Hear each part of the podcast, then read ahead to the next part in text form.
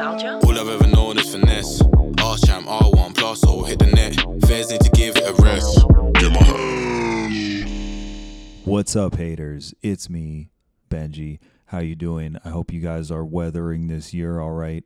I know a big core group of our listeners are uh, looking for new jobs right now, now that their positions in the Trump administration are coming to a close. Um, and I know, you know, the rest of you uh, Playboy millionaires and uh, hot himbo Instagram guys who make up the rest of our listeners, uh, you guys are probably going through it as well.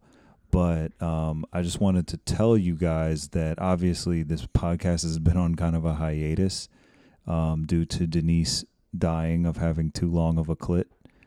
No, I'm just kidding. Denise is still alive, and I think her clit is normal size. Um, but I did want to tell you guys this. I have a new podcast. It's called Spice Rack Boyz. Spice Rack Boyz with a Z. Uh, yeah, it's me and two of my really good friends, and it's very funny and interesting. Similar vibe of this pod, a little different. You know how it goes. It's a different chemistry. We got a, di- a little different blend over there. But I think if you like this podcast, you will really like Spice Rack Boyz. Um, there's a link. I'm gonna put a link in the description for you to check it out.